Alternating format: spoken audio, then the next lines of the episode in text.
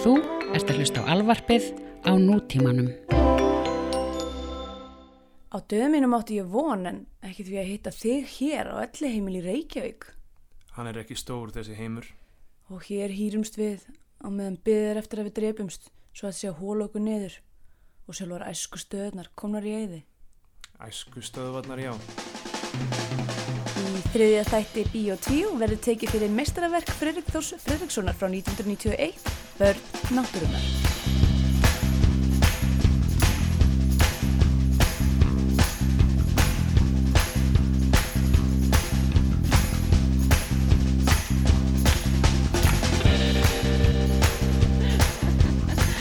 Og við sæl og verið velkomin í 2, hlaðvarpið um íslenskar kvikmyndir. Með mér hér er Steindor Gröndar Jónsson Hæ, hæ. og sjálf heiti ég Andrea Björk Andrisdóttir. Þetta er okkar þriði þáttur. Já, We made it this far. a- alveg rosalegt afreg. Já, ég veit ekki. Ég er svona, ég er frekar mikið skatterbrein þannig að ég, hérna, en mér finnst þetta mjög gaman og núna sérstaklega þegar fyrsti þátturinn er komin í loftið þá, hérna, Já, þá fær maður eitthvað svona pínu pepp. já, kannski minnast á það af því að hérna, við vorum ekki búin að eh, þakka fyrir það og segja frá því að uppháfslag þáttarins er Keirum yfir Ísland með sprengjuhöldinni. Já. Við vorum mjög þakklátt að fá leifi fyrir að hafa sem uppháfslag þáttarins. Mér finnst það viðjagandi. Er, við, við erum að fara einhvers konar uh, Ferð, ferð yfir, yfir Ísland, vissulega. íslenska kvikmyndasögu. Og, Já. mm, já, Já, góð tenging.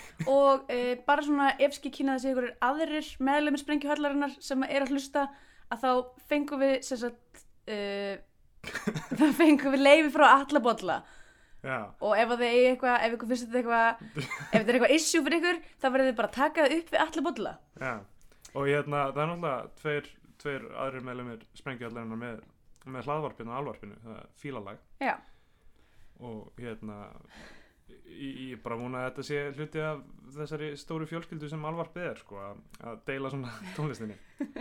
Já hérna, ég ætla líka að fá að henda út einu öðru uh, einnig annari þökk sem er til uh, Twitternótans Birkir Há uh, að því að hann fann sagt fyrir okkur Bergvík lægið Já, nefnir og við vorum sagt að pæla í fyrsta þætti þá er sagt uh, útgangslægið er uh, introið fyrir það sem að það þekkja á affæðisbólunum frá Bergvík þá kom alveg klikkað eitthvað svona og logoð okkar raunar byggt líka á þessu sama introi og hérna og ég var eitthvað að reyna að finna það og þessi gæi fór og startaði þráð á Reddit og bara eitthvað, þú veist bara fann þetta fyrir mig sko og Mhm. hérna, bara mjög þakklátt fyrir það takk, Yes. uh, at Birkir Há Já, hvað segir hann skott, Andrea? Uh, ágætt, uh, svona bara temmilega hress, það er náttúrulega skýt kallt úti en, um, en ég, er bara, ég er bara góð fyrir nýtt bakari í dag og það var bara tussu fínt, fekk ágætis cappuccino, ég hef náttúrulega fengið betri en þetta er alltaf læg en já, hérna, við vorum sem sagt að lenda í smá vesinni með að því að hann stendur á ekki komin eitt internet og ég er ekki með eitt internet á símanum mínum og svo, alltaf þegar við þurfum að googla eitthvað þá verður eitthvað hellirinnar vesen. Og núna er ég búin að vera hjá þessu tyrkneska símafyrirtæki í tvo mánuði Mm og ég er búin að vera ætla að skipta af því að það er fárlegt fyrir mig að vera hjá okkur tyrknesku símafyrirtæki út af því að einu pörksin við þetta fyrirtæki er get tringt frýtt til Tyrklands. Já, þú hefur ekkert verið að notfæra það? Ég, þú veist, ef ég myndi þekkja eitthvað til Tyrklandi þá myndi ég kannski nýtna mér það. Að alltaf að ringi þá mannesku jæja, hvað segir þetta hvað segir meikar gott 100%, þetta meikar 100% sens fyrir, hérna, ég meina, það er stórt tyrkjasamfélagi í Nóiköln og allir er að ringja heim þannig að auðvitað er þetta selt út um allt og Já, já. hérna en það er líka alveg hægt að fá eitthvað sem meika meira sens sko. Ég veit að ég var bara eitthvað, þú veist, ég var búin að vera hérna í viku og ég bara þurfti nöðsynlega eitthvað símkort og ég bara kefti það fyrsta sem ég sá og ég sko meg ekki að fara að kaupa inneign út af því að ég get ekki búið fram nafna fyrirtækinu, það er eitthvað á tyrknesku. Eða ægildis Ég er nefnilega ekki viss um að segja að Yildis, nei, örglega ekki. Þú veist þú er ekki að fara að byggja bara- og hérna, og fyrir utan það ég eiginlega ætti bara að skipta um sín fyrirtæki en þetta er allavega orðið freka mikið vesen og e, já, og ég er farin að sjá nákvæmlega hversu mikill ónýtungur ég er að vera ekki búin að Mm. laga þetta. Þetta er búið að vera þremur to-do listum hjá mér og ég færi þetta alltaf bara yfir á næsta tutúlista Sko, ég veit ekki hvort þetta er svona í öllum löndum sem maður geti mögulega flutt til en einhvern veginn megni af samræðinum sem ég á við aðra Íslandinga hérna eru um hvaða símafyrirtæki þeir eru hjá og hva, hvort það sé gott, hvað þeir eru með internet, hvort þeir eru sé búin að fara að skrá sig inn í borgin og fá eitthvað skattkort og eitthvað. Maður er eiginlega bara að tala um svona lógistík alla daga við Íslandinga Já, já það er alveg rétt. En það er kannski mikið af því hérna í Þískalandi það er náttúrulega ótrúlegt magn af skjölum Já. sem maður þarf að eiga. Uh, og bara í rauninni þú veist, maður þarf alveg bara að kaupa sem þú veist, þú lendir hérna lendir á Sjönefild eða Tekal og fyrst sem þú gerir er ekki að fara að sækja töskuna þeinar heldur fara að raglega þessi fyrstu fyrstu bókabúð og kaupa þér fucking möppu fyrir all skjöliðin semi það, það, það er semi-rétt Já, þú veist, mín upplifun er allavega svo, ég, ég hef aldrei átt ég mikið að fárlegum skjölum á æfuminni og ég er ekki eins og komið með helmingina þeim. Ég hef eftir að fá hérna, uh, ó, hvað heitir það eftir? Ekki sjúfæð heldur hérna, Anmeldung. Nei ekki anmál, jú ég er enda líka eftir að fá almyndungi, en hérna, um, Ertu ertu að tala um Mietschuld-Freiheitsbescheinigung yes, ég er að tala um það. Sem ég, er uh, yfirlýsing leigusalum og skuldir ekki neina leigu ah, það er svo mikið af sitið, sko, ég er alveg, ég er hugsa um að fresta þessu öllu fram yfir áramót. En svo svona, svo logistik sem ég finnst mest vera rætt meðal Íslandika er hvernig maður kemst inn á Berghain. Já, Það er, í hversin sem hættir Íslandika, hversin sem Íslandika koma í heimsókn, það er bara, já já, eigum að fara á Berghain, hvernig kemst ég inn á Berghain, hvernig á ég að klæða mig, hvernig á ég að vera í rauðinni og eitthvað svona. Við erum búin að eiga þess að samræða svona hundra sinnum og það er engin eitthvað, einhverju nær. ég segi alltaf bara, förum eitthvað annað en á það er hugmynd. En við gerum það ekki um helgina, við fórum á Berghain um helgina. Já, Já. það er rétt. Við fórum að berga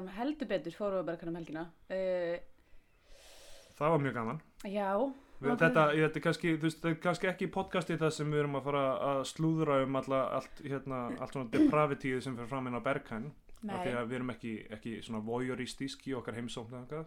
nei, nei, við vorum hérna bara til að setja vin. Já, já, við erum að afsaka það af hverju við fórum þangað. Já, ég hef engan á, á þessum stað, ég bara, þú veist, var hérna komin til að hitta, hitta e- einn gæja sem var að spila og, og bara taka í spaðan honum. Já, bara ta- ta- be- býða í rauði nokkar klukkutíma, taka í hendina og síðan bara fara. Já, taka sér smá, hvað sér smá ís á leiðin út. Já, en Það er ég, sérst ísbúð inn á bergan. já, það er allt sem hugunum gyrnist. Og hérna, þar á meðal alls konar ís og, uh, og hérna, smúðíjar. Uh, sem sagt fyrir leikmenn þá er Berghain bara svona risastór klúbbur í Berlín uh, sem að spila teknotónlist. Mikið rétt. Það er, það er eina sem það er. Já, herru, hérna, ég er með smá surprise fyrir þig. Ah, ég elska surprises. Í síðasta þætti þá uh, vorum við að tala um kvikmyndana Foxtrot sem ég er ennþá að hugsa um. Mm Ég líka, ég er hugsa um hann á hverjum degi, sko. Já, ég líka. Geggjum mynd. Já. Uh, Valdimar Flýgaring leikur Kitta sem er svona vondikallin í myndinni. Mm Eitt mest á ómenni í íslenskar kvikmyndasögu, Já. Uh, uh, algjör skungur. Og uh, við rættum í síðasta þætti að hann, hann hefði verið kaftinninn á ástarfleginu uh, sem var raunverulega þáttur á sirku svona rétt fyrir hrun. Uh, það sem var eitthvað svona bátur fullur af gröðum unglingum eitthvað starra siglum miðara hafi Mm Emmett. og þú nefndir að, að Haukur Valdimar Pálsson félagi okkar, sviðslistamaður hefði verið þar á ástarfleginu sem uh, kveikmyndatökumæður Svo best sem ég veit. Já, og ég hafði samband við Haug og hann var mjög bara jákvæður með það og glaður að senda okkur ferðadagbókina sína Nei! Oh my god! og Ah! hann, hérna, hún er mjög löng og hún er skrifið í nýromantískum stíl hann, hérna, hann gerði heimildamindina Hrikalegir Já, sem ég er reyndar á eftir að sjá en ég veit ekki hvort við munum horfa á heimildamindir hérna en um hérna Legendary Steve Jim. Mér langar nú bara að horfa á hana sann sem áður, sko. já, svo, svo bara kviknaði í, í því þeirri líkansræktastöðu bara nokkur mánuðum eftir að myndin kom út Já. hún brandi grunna núna er þetta bara, þú veist, essential heimild Já, um, um, um, um þetta, þennan fræga, þetta fræga gim. Já.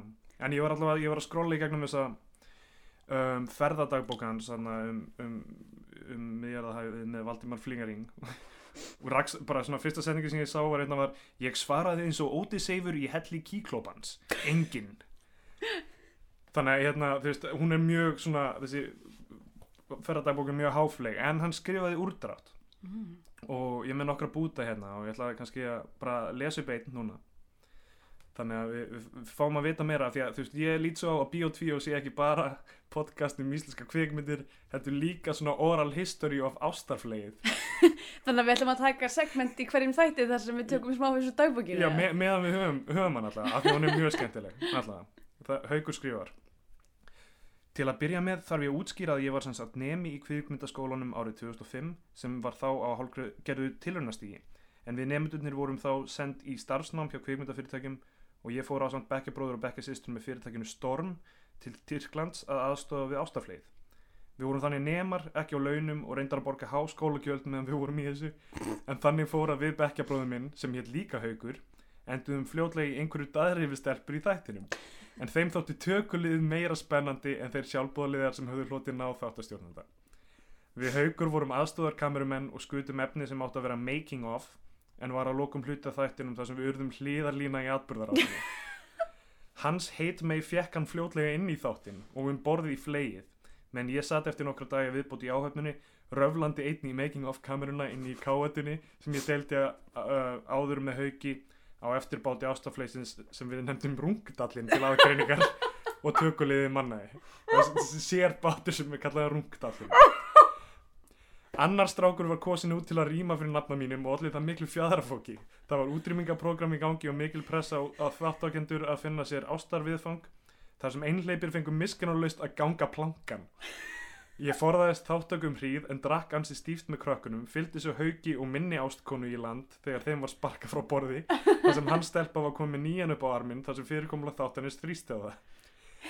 Skipverjarnir heldur að við værum farin heim til Íslands ástand þeim ólukkunar djamfílum sem hafði verið vísað frá strax í upphafi, en við vorum í raun djammandi á meðan utan dagskrar í siðspiltu túristagildurinn í Marmaris.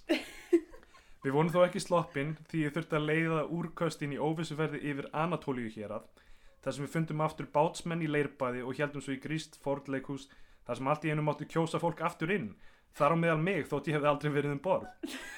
Þá endaði ég á samt minni meintu kæru- kærustu í okkar eigin káetum þótt ég hefði ekki uppálega skrifað undir neitt sáttmála en ég hugsa þó að ég hafi þess vegna afsalað mér ímsum mannréttindum á einhverjum tímapunkti þó ég mun ekki eftir því.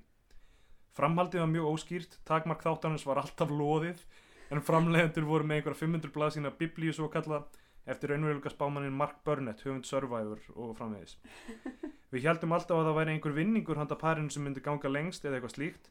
Það var eins og í flestum svona kinky veruleika þáttum mikil voyeurismi í nálgun og meðferð efnisins og 20 kamerur til að fullnæga gæju þurru áhörunda. Ég fekk mitt helsta kultursjokk því ég vaknaði í rúmi um borð í fleginu en ekki í rungdallinum, minnislaus upp í rúmi með tveimur þáttakendum og horfði í linsu eftirlitsmyndavélar sem ég hafði sjálfur tengt á káutuborðinu, vitandi að klipparinn sæju allar upptökur strax. Þetta hefur verið, fínt verkefni fyrir klipparana sem þið fengu að vera á tökustað þó þeir næðu ekki sama sólbæðu og aðrir. Reyndar er þeim vor- vorkunn að þurfa að fara í gegnum hundruðu klukkusund af þessu ríkalega ráefni skilin þetta þau hafi kveikt í öllum spólunum þegar klippinu var lokið eins og framkom í einhverju fréttatilkynningu. Það átt að vera tillit sem við þáttakendur sem hafa síðar barist ötula fyrir að þættandi séu hvergi sjánlegir í heldsinni en ég hugsa framleiðendur séu heldur ekki stoltir af þessu efni. Þetta var einhver dýrasta framleiðsla góðærisins ef allt sponsið er tekið inn í myndina. Um, ok, aðeins, aðeins hérna lokum samband mitt og stelpunar gekk ekkert sérstaklega vel þó við séum góðir vinir í dag og ég var bara að tala við hana í kvöld en ég var eins og allir mjö, aðrir mjög ringlaður í þessum aðstæðum. Áfengið var frítt og opin bara á bátnum með barþjónum. Ég las í séð og heyrt að við hefum drukkið fyrir fjóra miljónir á 16 dögum 14 manna hópurinn en veit ekki hvernig það var reiknað? Það var reynda bara 18 sem kalla á dag á hvern manns og það virkaði svo nokkuð vel sloppið. En við drukkum reyndar ansið mikið utanborst líka ég á þættin á Vafas og það er forvinnilegt að sjá hvernig drikjan og nærvina myndavélina hefur áhrif á fólk þegar líður á tökutímabilið Eftir ég kom um borð leistist tráðurinn upp í algjöra steipu, nokkur pör höfðu tekið fast form en svo kaus ein stelpan mína stelpu óvænt með sinn í brúðarsvítjuna sem var í stafni skipsins. Hún var tvíkineið og þannig endaði ég með gæjanum sem hún hafi verið með í káetu. Hann var sjómaður frá Sandgerði og við vorum hressir drikkjufélagar saman. Sjóarinn heikslaðist eitthvað á þessari bisexual flækju og úr var mikið skipstrama sem ég tókst á við með æðruleysi en það er erfitt að heikslast á nokkru á þessu stíði málsins. Ok, fyrst sem ég vil segja er bara uh, það þarf ykkur að gefa þetta út Bara hérna, þessar dagbækur þessi dagbækunar. Já, Hann, hann sagði að þær hefðu verið byrtar á einhverju bloggi hjá þessum hauki, hauki vinið sko. já, en það blogg er núna eitthvað horfið í já, já, lesingin blogg uh, þú veist En ég held að það ætti bara að gera eitthvað svona, eitthvað svona mockumentary útgáfa af þessu. Já, það náttúrulega gæti mögulega endað á sama veg, gæti bara orðið eins og þú veist, eins og hérna Hearts of Darkness eða, eða hérna eða Burden of Dreams sem er um, heimildamyndin um Gerð Fitzcarraldo Mm. Já, einmitt, já, já. þar sem að hérna, Ekki verðin Herzog. jú, verður Já, hersókmyndin uh, Fitzcarraldo, þar sem að uh, heimildamyndin ábúr að vera fylgjast með gerðmyndarinnar er end, endar á því að verða alveg jafn styrluð og hræðileg og myndin sjálf. Já, já. þú veist eins og í Hearts of Darkness þá, þá þú veist, sér maður Martin sín um það byrju missa vitið og hérna og þú veist allt sem að kemur fyrir framleiðsluna og svona.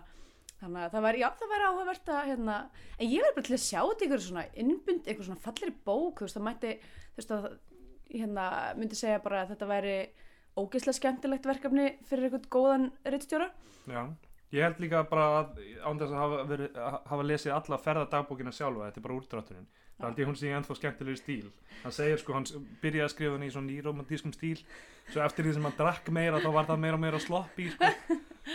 Bæ, bæruníst Já. en talandi um Martin Sheen þá áður við fórum á Berghain þá fórum við á uh, koktelstað sem heitir Charlie Sheen. Oh, og uh, var afleitur staður. Alveg hræðilegu staður. í mitti. Já, hann er í mitten á Rosendale plats, ekki fara þangað, eða, eða farið til Berlinar, bara, ekki Ekki- fara á Charlie Sheen. ok, á ég bara Sheen. fyrir mig hvað þeir sem hérna, stopnaðina stað voru að hugsa að, að já, já, þetta mun ekki vera úreltna binda það við eitthvað svona eitthvað kultúrfenómenum sem, sem er í gangi líklega þú veist þegar, þegar hann var að fá þetta taugáfald sitt sem er hræðilegt. já, já, sem er hræðilegt og nota spoonerisma, snúa við hérna fyrstu stöðunum þannig að þú veist, þannig að verður strax svona eitthvað af- því að allt er svona, þú veist, allt er út að það í spoonerisman út í dags Nema kannski er þemað bara hræðilegt.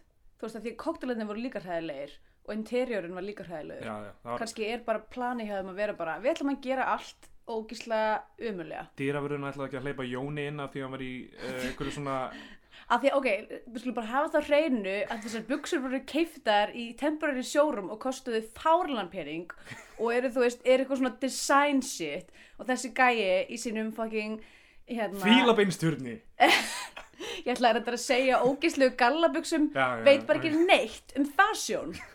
Þannig að, já, hann má bara eiga sig. allavega, hræðileg lífisreynsla um, uh, við ættum kannski að mæla með einhverjum stöðum í Berlín uh, í hérna, svona þegar líður á á þáttaröð þegar við erum Já, bara ef þið viljið fá meðmæli fyrir einhver, hérna, staði í Berlín, bara, hérna, hendi, hendi okkur lína á Twitter. en ekki fara á Charlie Sheen Já, alls ekki, alls ekki. ef við að tala um börn átturunar Herri, já, við getum gert það. sko þetta er í fyrsta sinn sem uh, kemur til hérna uh, þau, þau erum að díla við það að einhver sem við þekkjum vel er uh, þáttakandi í í, í myndinni og það er amma mín í þessu, sem leikur í þessari mynd. Margrét Ólafsdóttir heitin, hún leikur Cecilju og þetta er fyrst sinn sem við einhver vinur eða ættingi eða ekki, er í, er í mynd sem við horfum á. Um, og það var bara fyrir mig rosalega gaman að sjá ömmu, ég, eða langt síðan ég sá þessa mynd. Og, og hérna amma dó 2011 og uh, hún uh, kemur hérna fyrir í einhverja tvær mínútur sem Cecilia í svona nokkuð veginn óþörfu atriði Mér fannst það gott, sko. já, fínt það er líka, bara, það er eiginlega, þá reyndar að ég var að hug, hugsa um, hérna, Bechtel. Ég er að segja þetta rétt, Bechtel. já, já, Ég er að segja þetta rétt, þetta ekki, Bechtel. Maður segir Bechtel. já, já það, það er á engin erfitt með að segja þetta orðnum að þú allavega, er að uh, þannig erum við með tvær mannskjum með nöfn. Ég man ekki til þess að úlengstelpan sem er nafn. Jú, jú, jú, hún heitir Lilja Lilja, já, já, oh, það var svo ógeðslega fyndin setningin hennar þegar hún hérna kom með myndin og var eitthvað og hver er þessi byggla? já, það er mjög gott Æ, æ, já, kannski tökum smá já, svona það- bara já. intro. Börnátturinnar ættu, ættu engum að vera, uh, hvað sem var ókunn. já, En ég hef samt ekki séð hana áður, þetta var fyrst skipt sem ég sá hana. hún kom út 1991 og var uh, framleg Íslands til Óskarsfjörnuna og fekk tilnefningu sem besta erlenda myndin Og er til dagsins í 1992. dag eina íslenska kvikmyndin sem hefur fengið tilöfningu til Óskarsvöluna. Ég myndi segja að hún væri, þú veist, uh, svona til að byrja með, já, hérna, þetta er mynd sem maður getur séð fyrir sér 1990 eitthvað vera til þeim til sem besta ælendamyndin. já, hún er mjög svona hérna eh, Ah, svona, foreign cinema. já, með efnistökin eru rosa mikið eitthvað svona, þú veist, eitthvað svona Hollywood fólk að vera eitthvað já, fólki hérna í Evrópu, það getur nú það getur nú nálgast lífið á öðruvísi hátt. Og, og svona og líka þú veist að þessum tíma það náttúrulega eru element af, af hérna töfraraunsægi í myndinni. Er, og það er svona það var mjög heitt já, á tíund, tíund áratunum sko. Uh, náttúrulega Isabella Lende og hérna uh, hvað er hann aftur? Hérna uh, ekki Gael García Bernal heldur hérna. Gabriel García Marquez. já. Þetta, var vinsælt sko í mínu minni hérna á þessum tíma og hérna þannig að já, ég get vel séð hvernig og svo náttúrulega líka bara náttúrurung. Já, já, Við náttúrulega reyndar horfðum á myndin á YouTube þannig að við vorum ekki að horfa á henni neitt sérstaklega góðum gæðum. hún er á YouTube en ég vissum að hún hefur verið mun tilkomið mér í, í kveikmyndahúsi. Já, Ég vissulega. horfði á hana hérna á kaffihúsinu Fellfish beint á múti íbúin minni og því er ekki komið með internet en þá og uh, e, e, með, með heyrnatóla á og eitthvað drekkandi eitthvað latti þetta, þetta var hérna uh, kannski ekki eins og maður á að upplifa þessa mynd en, en enga síður Nei, ég hugsaði það mitt á meðan ég var að horfa á hana ég var eitthvað, þetta er ekki þetta er ekki bóðlegt. Nei, En hérna, en ég notaði bara ég notaði bara ímyndunaraflið. já, Ég veit, ég veit hvernig íslensk náttúra er. Þannig að þessi tilkomi miklu skot þannig að af hotströndum og svona, þú veist. Já, ég hef séð þau bara ekki í þessari mynd. Já. Sko til að byrja með þá það, það er ekki mikil sögufráður í þessa mynd. Nei, það er í rauninni hægt að setja bara í eina setningu. Gamall maður, uh, yfirgjöfu bóndabæðin sinn og flyttir í borgina, honum líkar ekki borgin og hérna og flýr út á land með gamalli kærustu af elli heimilinu af velli heimilinu uh, til þess að fara á, á æsku stöðunar já, til að til að deyja í til, í rauninni, já, eða það er svo sem aldrei sagt. Nei, hún er, hún er mjög mjög fókusiruð á að uh, að hérna uh, að, að, að hún vilji vera að gjörðu þar. Já, og þetta eru Gísli Haldursson og þetta er ekki Bría Tjeðistóttir ha? Nei, hvað, er, hvað heitir hún það? Er ég að rugga? Hagalín? Nei, Sirjur Hagalín Hvað? Hagalín Hvað? Ah. Vá, ég, við þurfum að edita þetta út eða eitthvað Nei, nei, ég stendu það, ég bara, ég vann ekki mína vinnu ég, ég, Þetta er Sirjur Hagalín Sigur Hagalín Sirjur Hagalín Björstóttir leikur hérna barnabarni, eða ekki? Er ekki? Er það? Já, Ok, ég það ekki þannig að hérna allavega ég, hérna, ég, það var eitthvað brain freeze þannig hjá mér ekki brain Mhm. freeze, hvað oh, Eh, oh, æ. við byrjað þáttunum á nýtt oh. uh, Nei, alltaf Þau eru sem sagt leika Þorgir og Stellu sem að hérna ólust upp á Hortsöndum og hittast þarna á elli heimili eftir að, eftir að, eh, eftir að Þorgir yfirgefur þetta er svolítið fyndið sko að því að, að því að myndin opnar á hérna á réttum þau eru sem sagt uh, bara í sveitinni er hérna verið að draga, þess að í rauninni ekki draga kindur í dilka heldur hérna hlaða þeim upp á vagn til þess að fara með því réttir. Fyrsta sem gerist í myndinu er að maður heyrir jarm. Já og, svo karlakór. karlakór.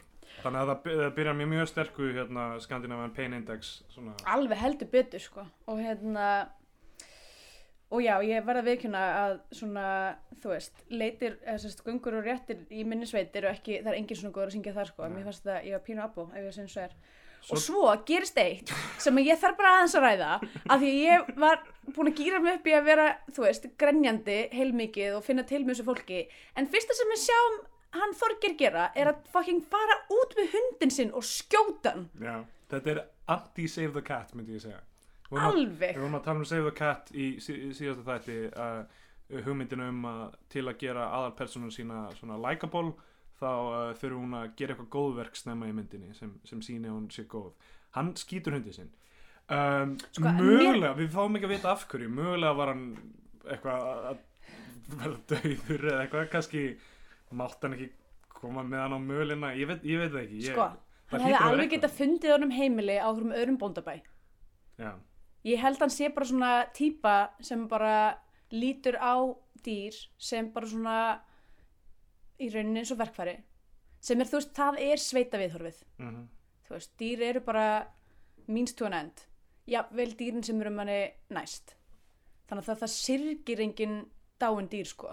Já, já, það er bara partur af raunveruleikanum. En mér fannst þetta ég hugsaði bara, hann hlýtur nú að geta fengið að búa hjá einhverjum bara á næsta bæ eða eitthvað þú veist, sérstaklega ef þetta er góðu fjárhundur og þú veist, hefur ekki hérna, þú veist er ekkit veikur en þannig en það er allavega svo sem kemur ekki fram. Ég er bara, þú veist, ég er bara blæðandi hjarta og hérna mér fannst, mér fannst þetta ómaglegt já þetta, þetta var ómagleg aftaka af hundi.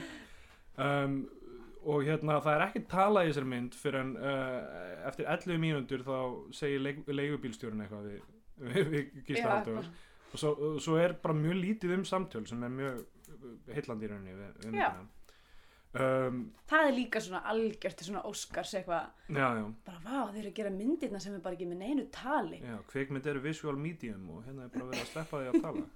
Við getum lært mikið frá sem Evergreen En alltaf, Gísli Haldursson er hérna, komið til borgarinnar, hann á erfitt með að búa inni á fjölskyldin sinni af því að uh, barna, barna hans stelpan Lilja, hún, hún elskar Bubba og, og þólir ekki að mynda Bubba sér tekið nýra vegg í skiptum fyrir Já. mynda fyrir hann eigin konu Já, og- kallar, kallar sína eigin ömmu hérna, beyglu og eitthvað. Og þar hann leiðandi er, hérna, er uh, hann eiginlega bara reikin á heimilinu og setur, setur á elli heimili við fáum svona í upphafi á elli heimilinu þá fáum við einhvern veginn á tilfinningunum þetta sé alveg hræðilegur staður. Af því að það by- byrjar á því að þau eru þarna hjá um, uh, manninu sem stýrir elli heimilinu hann er að tala um hvað þetta sé einst- yndislegt og allt einstór fjölskylda.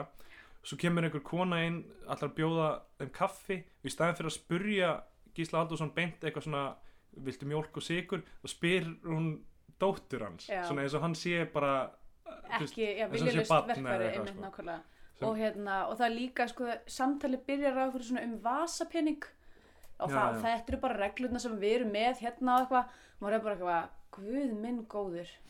Já, og svo næsta sem við sjáum er að Sigriður Hagalín sem heitir ekki Bría Tjóðistóttir hún er hérna tekin föst reynilega af starfsfólkinu þarna fyrir að reyna að flýja og eitthvað að reyna að komast út. Og hún Mhm. dregin öskrandi um gangana og þau sjá hvort hana og, og hitta síðan í mötuneytinu eftir að hann er, eftir að Gísli Haldursson er búin að tala við, við, við Rúrik herðu, já, sem, sem er hann sákarinn. heitir, hann rey- heitir reyndar Halldór Já, já, en leikarinn heitir Rúrik já, leikarinn heitir Rúrik ég nefnilega, vissi ekki, ég hafði aldrei flett alveg upp hver sem, hver sem maður var en strax svo hann byrjaði að tala bara þyrmdust yfir mig bara eitthvað svona þyrmdu yfir mig eitthvað svona tilfinningar eitthvað svona Mm. barnesku tilfinningar af því hann var rosalega duglegur í að hérna, talsetja teiknumyndir Já, hann gerði líka hérna hva, hvernig var þetta eitthvað? Skrúfur, flögur trúir þú á álfasögur Já, auðvitað. Oh.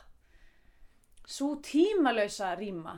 Já, Uh, já, hann var hérna sultaninn í Aladín ég veit ekki betur en hann hafi líka verið í prinsunuturstundin, ég held það. En það er þetta er eitt sem er minnst alltaf pyrrandi er að talsetningar eru ekki skráðar neinstæðar, sagt hver talsetur? Það er ekki á IMDb og það er ekki á hérna, þú veist, íslenskum svona verkaskrám eða neitt þannig. Þannig að það er, það er svolítið erfitt að, að hérna, nema maður sé bara aktuált með myndirnar og getur flettið upp, sko. Hérna, en ég allavega fekk bara eitthvað svona strax svo hann byrjaði að tala, ég fyrir þetta var eitthvað, bara gamli graði sko, eina sem hann talaði um var bara eitthvað, það myndi mér svolítið mikið á hérna Parks and Rec þáttinn þar sem að þar sem að þau eru með hérna kynfræslu fyrir gamla fólkið mm, af því að hann var bara eitthvað, já já, það er hérna það eru alveg úðar í mann og eitthvað og já, já. alltaf eitthvað að tala Svo var að bara- tala um líka, þú veist, að það veri einhverjar uh, starfskonur þarna líka sem var eitthvað svona, já. þú veist, þetta veri bara einn stór orgía. En svo er hann með, líka með, með blóm frá síni sínum sem kemur síðar í ljós að er ekki til í alvörunni. Nei. Og það er bara enn eitt svona, þú veist, bara harmurinn, bara eitthvað gamalt fólk afskipt og eitthvað svona, einmitt og farið að búa til sín ein raunveruleika Já, já. og eitthvað svona og sko, það ok var dálítið pönsað hart svona í byrjum Já, og svo eitt sem ég fannst kannski, ég veit ekki, kannski þetta er, mér finnst þetta þreytt minni, Já, sem er þessi vondi hjúgrunafræðingur. já, já. Til sem Tina Gunnlaugsdóttir er. Já, sem er og, svo, og, og, ekki bara hún, ég meina þetta er náttúrulega í eiginlega öllum, öllum kvikmyndum sem fjalla um geðveika, er vondur hjúgrunafræðingur Já, og þú veist, og það er einhvern veginn, annarkvort er hjúgrunafræðingur eitthvað svona, eitthvað svona Florence Nightingale já. og er eitthvað að reyna að bjarga ykkur um eða- kall, kallmanni eins og í Pearl Harbor. Eða í Nurse, Rat, Nurse Ratchet í, í hérna, Já, eða, eða, nákvæmlega, eða eitthvað svona geðveik vond hjúka. Ég bara, þú veist, mér finnst þessi þetta er svo mikill einhver tvískinungur og hérna, ég Ég- skrifa hérna niður hjúkurunafræðinga tvískinungur sem er mjög langt orð. Já, sko ég veit ekki alveg nógu mikið um elliheimili af því að sko uh, mí, mí, svona, mín fjölskylda það, það hefur ekki verið mikið þannig að fólk sé lang, langtími minna elliheimili og það hefur verið meira svona kvíldarinnlagnir þannig ég hefur bara svona verið svona smá. Já, ég meina, er þetta ekki miklu meira huguleg en, En- ég, nú veit ég ekki heldur. Ég, að því að einmitt hafa um, mín ömmu afar aldrei aldrei hérna ég held bara, hef ég, held ég hef bara aldrei farið ég held ég hef kannski einu sinni farið inn á allir heimili Sest, uh, Ammin og afi í keflaðið þau voru á bara svona í svona þjónustýbúð þar sem þau byggu bara þar og, hérna, og fengu okkur þjónustu býst ég við. En þú veist, við sáum aldrei neina starfsmenn uh, allavega ekki ég. Og svo er sko hérna móðufjölskylda mín með mjög skemmtilegt fyrirkomulega þar sem þau byggðu bara stórt hús mm, raðhús. Og afi býr bara í miðju íbúðun á raðhúsinu og síðan búa dætur hann sikkur megin við hann með fjölskyldan sínar þannig að hann, þarf, að- hann mun aldrei þurfa að fara Nei. á elli heimili og ég bara mæli með þessu fyrirkomulagi af því að eina sem ég heyri af elli heimilum er að þessu ræðileg ég hef nefnilega ekki, ekki heyrt það af elliheimilum í ra- í raun og vera sko. ég, ég, ég held að elliheimili séu bara frekar hugulega stofnanir og, og þú veist það er auðvitað, ég meina auðvitað ef þú ert að búa með alls konar handa og skemmtu fólki þá er það alltaf alltaf erfitt örgulega, þú veist þeir eru ekki eftir að líka við alla en ég held að elliheimili séu svona almennt bara bara fín sko. Já, Ég, ég kvíði ekki frá elliheimili. Ég meina ég er Ég náttúrulega lengur döður á því frá ég elliheimili. segi það, ég hugsa alltaf eitthvað svona með við hvernig ég lifi mínu lífi þá og ég aldrei eftir að drífa inn á elli heimili. Ég er náttúrulega 100% eftir að verða fyrir sporvagni. Ég vil, sko, ég vil að það standi á, á leggsteinum mínum sama hvort ég verð fyrir sporvagni eða ekki. Hafir- Hér kvílir Stendur Gröð Jónsson, hann varð fyrir sporvagni.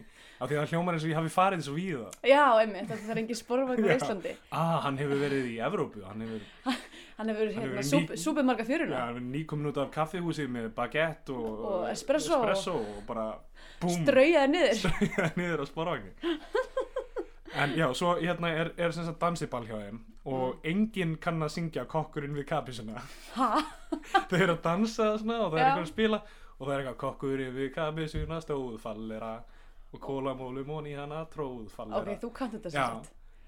Kja, byrju, hvað er það, kámurum kjaftin bæð og trínfallera kann að ekki að skamma sín það svínfallera Ég hef aldrei hert að laga þetta æfi er minni. kokkurinn við kapisuna og, og þú veist, ég myndi halda allt gammalt fólk kynna þetta en, en það er allir bara lalalalalalala Er það ekki bara, þú veist, að því að sé maður líka atriði í messu þar sem þau voru allir að reyna að syngja eitthvað og bara, þú veist, þetta var bara eins og eitthvað, það gekk aðeins betur í messunni sko. já, aðeins betur þau voru reynda með textan örugglega þá í, í Já, já, en það var líka bara svo mikið jarm. Mhm. það heyrðist ekkert, þau eru kannski sko já, já. því eldri sem maður verður. Þú veist, að svona maður fyrir bara hljóma veist, hefur ekki stjórn á henni. Já, og hérna mér finnst það eitthvað svo erfitt ég að- hef aldrei minni rödd. Svo sem, mér finnst ég alltaf hljóma þessu unglingur en það er eitthvað. Þannig að hérna, en já um, uh, hvað er það?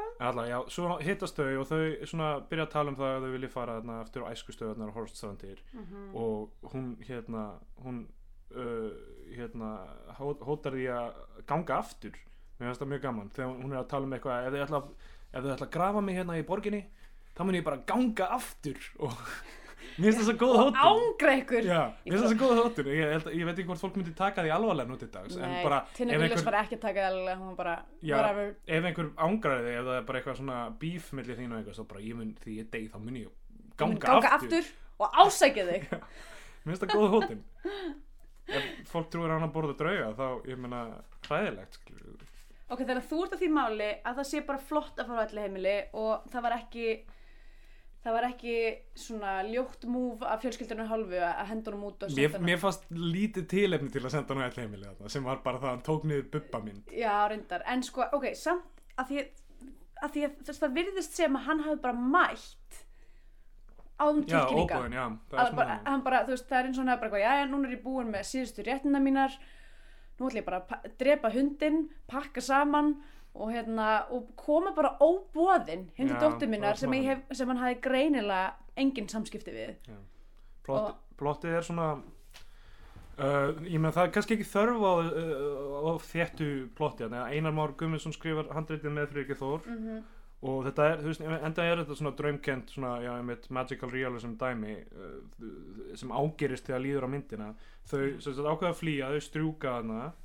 Uh, myndin er bara, þú veist, í rauninni hálnuð þegar í rauninni gerist það sem ætti að vera heita svona byrjun á second act eða eitthvað að þau bara, já, núna ætlum við að flýja Já, fara on the road og Já, þá fjörið að byrja. Myndin er hálnuð þá. Og, þa og það sem gerist þá í, í fram framhaldinu þeir byrjaði að stela bíl ok, það sem er í gangi þegar þið eru að fara að stela bílnum langar mig aðeins að ræða. Já, það er einhvers konar það er einhvers konar óþægilegt atvik Já. skulle ég bara segja. Ég, ég var eitthvað svona, er, er, er verið að nöðga þessari kon það sést, er par sem er eitthvað upp á húttin á bílnum í einhverjum atlótum og svo er konan samt alltaf eitthvað að reyna að sleppa. Já, já, þetta Og- er mjög mjög tæft allt saman sko. mjög tæft og ég ákvað, samt, ég ákvað að hendi svo inn í sko SPI já, já, af, af þeim sögum að bara þetta var, þetta var mjög óþægilegt. Þetta var ekki, þetta var ekki ástarlót skulle ég bara segja. Allavega, þau bruna burt á þessum bíl og ok, fara, geðvikt að hann hafi bara já, kunna það. hotværan bíl. Já, en ég held sko hann hafa að hann var þarna sérst, í rauninni uh, uppbyggingin fyrir, fyrir hérna fyrir uh, flóttan er svo að hann er að í gegnum Hólafallakísugarð mm, og ruggla eitthvað svona hugsa um alla dánu vini sína eða eitthvað, ég veit ekki og labbar fram á hennan bíl á Sólvallagötu, nei ekki á, hérna á uh, Suðugötu, ljósvallagötu. Ljósvallagötu, Já. já. ok. Og hérna og horfir á bílinn og það er augljóst að hann er svona ég, þú veist, þetta er hérna þetta er villisjeppi. Mm og hann greinilega kann að hotværa villisjeppa. Já, já, eða þannig svona horfir á bílinn og er eitthvað, ég get stólið þessum bíl. Já. Ég kann það, hann er certain set of skills. Sem er feitt. Og og það sem, og svo kemur svona montas eða svona mjög stutt montas þar sem þau fóru að kaupa stregaskó já, sem er æðislegt það kemur eitthvað svona það kemur eitthvað svona hérna, svona graduate moment þar sem maður sér fótinn á Sirja Halín og það er svona verið að setja svona skó á hann. Þar sem maður sér bara svona hérna, nælon sokka klættan Já. tá og svo svona settir svona gett einhver svona fly Nike stregaskór á tánu bara næstu nýja skó. Já, næstu nýja sko og svo laumast þau út já, og hérna í, fara í bankan fyrst og eitthvað svona.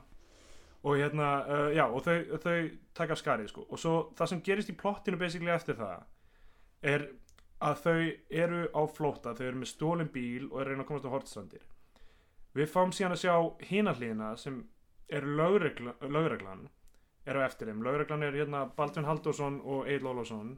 Egil Ólafsson lukkandi mjög bara 80s þursaflokks já, veist, mjög. já, bara hérna, eins og við munum eftir honum frá þeim tíma. Uh, lögreglan er á eftir þeim. Við sjáum frétta einskota sem Hallur Hallsson fréttamaður, actual fréttamaður er eitthvað, er eitthvað eftir að bílnum hefur verið skilað, það er hann að segja eitthvað. Enginn veit hvað varðið fólkið eða eitthvað svona. Mm um, Egil Ólafsson er með engar vísbendingar um hvernig á að finna þau. Og það er ekkert það er ekkert í þessu plotti það er, veist, eða, nei, það, það er aldrei neinn hægt að þau náist eina skiptið það sem við rekast á lauruglumann þá bara stinga þau af Ok, og hverfa sko, síðan allir lögreglþjóðanir fyrst, fyrst er, fyrst erum við að tala um samtalið milli varstjórans og Já, já. Egil Sólussonar Mhm. og, og það er eitthvað svona fullt af vísbendingum eins og sér horni bíll og Já, eitthvað og hann er bara eitthvað, varstjórinn eitthvað já ég myndi nú ekkert vera að leita eftir honum ég myndi nú byrja að leita bara í hérna, þú veist í, hva, hvað segir elliheimilinu eða? Já hann segir eitthvað svona í, þú veist hérna uh, hvað heitir eftir uh, herbyggið í kellaranum þar sem að hitalagnin kindiklefin Já, hann segir eitthvað svona, ég myndi nú bara kíkja í kindiklefan og öllu heimilinu. Bara, hvað, þú veist, hvers konar verðstjóri, veist, þessi maður er greinilega handónýtt rannsónuluruglega. Já. þetta er sko, mér finnst þetta svona áhugavart varandi bara stærri hugmyndin um, um hvað þessi mynd er. Uh, af því að e, ég held að allir svona, ef þetta hefði verið myndgerð í Hollywood, það hefði allir, allir sem var að fara yfir þetta handrit hefði sagt, ok það sem vantar hérna er einhverja hindranir á veginn þeirra til að komast á, á leiðarenda. Þau þurfa að lenda í alls, löggan þarf að vera á hælunum þeirra þau þurfa kannski að vera tekin smá stund svo sleppa einhvern veginn frá löggunni. Mhm. það þarf að vera alls konar svona bara veist, það er kjötið í myndinni. Þar til þau loksins bara ná einhvern veginn með, með bara að vera úræða góð og einhvern veginn hérna, vilja þetta meira en löggan lokin, í lokin sleppa og komast á áfangasta mm það er ekkert þannig, þetta er bara, veist, við fáum alltaf að sjá lögguna öðru hverju, gera ekki neitt. Já, einmitt sko, fyrst kemur þetta atriði þarna það sem þeir eru að tala saman og augljóslega kunna ekkert. Er, eða, þú veist, eru bara alveg fávitar í rauninni. Bara fyrsta Svo- mál sem hefur komið inn að borða lögreglunum nokkuð tíma. Já, einmitt. kíkjum í kindiklefan, þeir eru auðvitað þar. Sleppum því að pæla í þessum stólna bíl. Það tengist þess ekki neitt uh, og svo eru þau að stoppa í ykkurum, mataskála ég veit ekki nákvæmlega hvað, þetta er eitthvað leiðin norður örgulega bara staðaskáli eða eitthvað sko. Mhm. um, já, það er mjög skrítið. já, af því þar kemur eitthvað svona atriði sem er ekkit útskýrt nema bara þá til þess að, til þess að íta undir það assumption að lauruglan sé bara mjög léleg. Já, af því að það kemur, að koma þarna keirir inn lauruglubíl og bæða vegi, þessi lauruglubílar eru feitir þeir eru sjúklega feitir, einhverju svona skutul station krei, þetta er lítið svona líkbílar Já. hérna keirir þarna inn, koma mjög svona prúðklættir tveir lauruglumenn og þú veist, það er eitthvað svona tense moment hjá hérna Stellu og Þorgeri en þeir labba bara beint fram hjá þeim og að einhver borði þar sem að sitja einhverju verkamenn, einhver svona sex verkamenn og, hérna, og þeir eru komni til þess að handtaka einn þeirra. Og hann segir bara, nei þið eru ekki að fara að handtaka mig. Svo alltaf löggan að kalla til hjálp hinna verkamannuna til Já, að hann handtaka eh, svona, eitthvað spyr eitthvað svona, hver, hver er hérna hver er vaktstjórin hér? Og einhverju gæi stendur upp og er eitthvað, jú, allir það sé nú ekki ég sem er bæðið vegi ógesla íslensk setning. Allir það sé nú ekki bara litli ég? Eitthvað, þú veist, eitthvað svona algjört veist, hefði já ekki dugað. En hérna og þeir eru eitthvað, við ætlum að þú hjálpar okkur að handa, borgarlega handtaka eitthvað svona, eitthvað, ætla að fá yfirmannans til þess að reyna að handtaka hann með sér, af því þeir greinlega tveir geta ekki, þú veist hafa ekki, ekki róði í þess að sex þarna verkamenn. Þa, og hann segir bara, e, nei, ég ætla ekki að hjálpa þér við að handtaka þennan mann. Og þá eru lögleikþjóðandi bara eitthvað, nú jæja. Og fara bara þeir bara að gefast upp. Þeir eru bara, ó, ok. Herðu, fyrst þú vilt ekki koma og þið vil ekki hjálpa okkur þá förum við bara. Ja, armur, armur réttvísinar, hann er ekkert lengra en þetta. Nei, hann er mjög, hann er svona svo T-Rex. Og hérna og svo er þriðja atriði þar sem að kemur lögreglumæður og það er hérna, það er eitthvað svona vegatálmi sem að þau eru að keira framhjá og, hann- og lögreglumæðurinn svona stígur fyrir bílinn. Mhm, og þau náttúrulega bara keira, þú veist, þau bara eh, svína framhjá honum. Já og keira í burtu og hann nær ekkert í þau og hérna, já, og þú sko, þetta fær mann allt til að velta fyrir sér sko, af hverju er þetta svona? Þú veist, af hverju er lögreglan svona vanhæf og af hverju næri engin tveimur gamalmennum sem eru á mjög ábyrrandi bíl? Já, og ég meina það spilar öglinn í allt þetta magical realism dæmi sko, að þau eru þau eru af því að þau eru einhvern veginn í, ég veit ekki, tengslum við náttúruna eða eitthvað þannig þau eru bara álfarnir eru að hjálpa þeim eitthvað þegar bílinn hverfur fyrir augum lögreglumannsins já, og svo tala löggan um það eftir og bara bílinn hefur sést í öllum landsfjórðingum og með þess að horf gufað upp í einum. Einmitt. Eitthvað þannig, það, það er eitthvað þannig og, og þau eru bara, af því, að þau eru börn náttúrunar já, alltaf þau eru í vanda þá er alltaf bara eitthvað svona sem reddar því algjörlega, þau bara eitthvað fara að leggjast inn í eitthvað hlöðu, sopna þar, svo fara þau að sjá eitthvað rosalega fallegt uh, svona eitthvað úti já, það er einhver útíhátíð það sem er verið að syngja tóndilega Ok, Tondileo, þetta verði ég að nefna. Uh, allt, ég, ég, bara, ég hef aldrei pælt í þessu áður en Tondileo er alveg svolítið gamalt svona söngvala á Íslandi. Mhm. það er alveg frá, þú veist allavana allavana 70s mögulega já, ég svo sem veit það ekki alveg, ég er ekki alveg viss ég flett ekki upp hvenar íslenski textin er samin en þetta er náttúrulega ítalslag og hérna uh, sem var þýtt og, uh, og textin, þetta er mjög framústöfnilegt fyrir Ísland að því þetta lag fjallar um interracial samband. Nú, já, þetta fjallar um einhverju mannesku sem er á sóluströnd og þú veist það er hérna uh, hérna aldrei leiti, leiti í eitthvað, eitthvað, eitthvað augun þín svörtu aldrei slóu hver glaðar í hjörtu, eitthvað svo leis og svo er eitthvað á einum tímpunkti er eitthvað svona setning sem sér eitthvað svona á, á, á falleri strönd í eitthvað í, í svertingja kofa já. Eitthvað að, mannskjan sem, er að, syngja í læginu sem sagt, gæti hugsa sér að búa eftir, það sem eftirlifi lífsins í svertingakofa með þessum svart, svart eða elskuða við þurfum að komast að meira um þetta lag. Já, en mér er bara svona, ég er svona, hm, ok, var þetta bara eitthvað svona, þú veist, voru Íslendingar alveg til í þetta, að, þú veist, back Ég in the days? gæti ekki verið að þetta sé, þú veist, ég meina það er alltaf kallmaður sem syngur þetta, er ekki? Er þetta ekki bara E, svona, nei, nei, ég meina Björk hefur líka sungið þetta og, aha, já, ok, þetta er, ok. á, þetta er á Glingló, sko. Vá, ok, já, ég hugsaði bara einhvern veginn að þetta væri kannski eitthvað meira ásættanlegt þegar þetta er eitthvað svona uh, nýlendu conquest fyrir einhvern hvítan kallmenn. Já, ég veit það ekki allavega, allavega ég, bara, ég fór bara að hugsa bara eitthvað, vá, ok, hérna fólk er verið, eh, þú, veist það er verið að syngja þetta í kringum bálkesti út um allt land í marga áratíu og hérna, Já, ég meina, þetta, Þú veist, Íslandingar eru svo, á svo yfirborðinu frjálslindir, það er já, það sé ekki bara það strax, strax okkur kemur með hann þessi, þessi svörtu augu hérna til Íslands Já, og kynur þið fyrir fjölskyldunum sinni þá fyrir allt í bálbland. Að, það þarf bara að taka, bara lögreglan þarf bara að koma og henda þeim úr landi eins og alltaf. Vildi að lögreglan væri meira eins og hún er í börnum náttúruna Já, og myndi ekki takast að henda, henda öllum í hérna, hælislendundum úr landi. það væri væri frábært, já 2 er woke þáttur. þetta þarf að bara í einhverju vist þetta ertu búin að ákveða hvar hvar Sex and the City kemur inn Herðu, við skulum, skulum ekki byggja upp hérna fyrir callbackin. í En allavega, hérna, ok, Hallur Hallsson bæði vegi fréttamaður. Mhm. Ef þið hafið ekki séð, ok, hann skrifaði bók sem heitir Váfugl.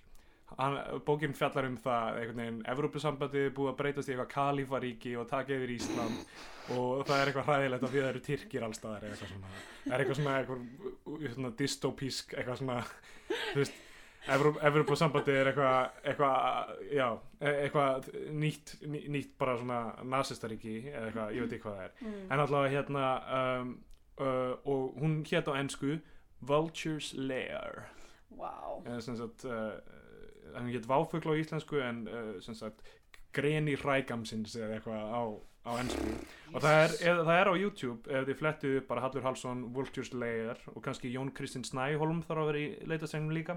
Þá er viðtalað sem Jón Kristinn Snæholm fyrirhandi aðstofmaður borgarstjóra Reykjavíkur Viljáns, Viljánssonar er að taka viðtal við Hall Hallsson í þjóðmenninguhúsinu um, um bókina hans ok. Og það er, svo fyndið þið af því hvernig þið bera fram Vulture's Lair Vulture's Lair. Lair He's the writer of the book Vulture's Lair og það er bara, maður horfir á þetta þetta er hilarious, bara tekja þessu okay. já, við allavega, við vorum að tala um töfrurinn já, mér fannst það sko þegar þau, þau voru þarna að reyna að stinga af um, og bílinn hvarf. Mm mér fannst þetta koma mjög left field já, já. fyrir mig ég var bara eitthvað, býtu, hæ? Ég þurfti sko að stoppa og fara tilbaka og var bara, hvað var að gerast?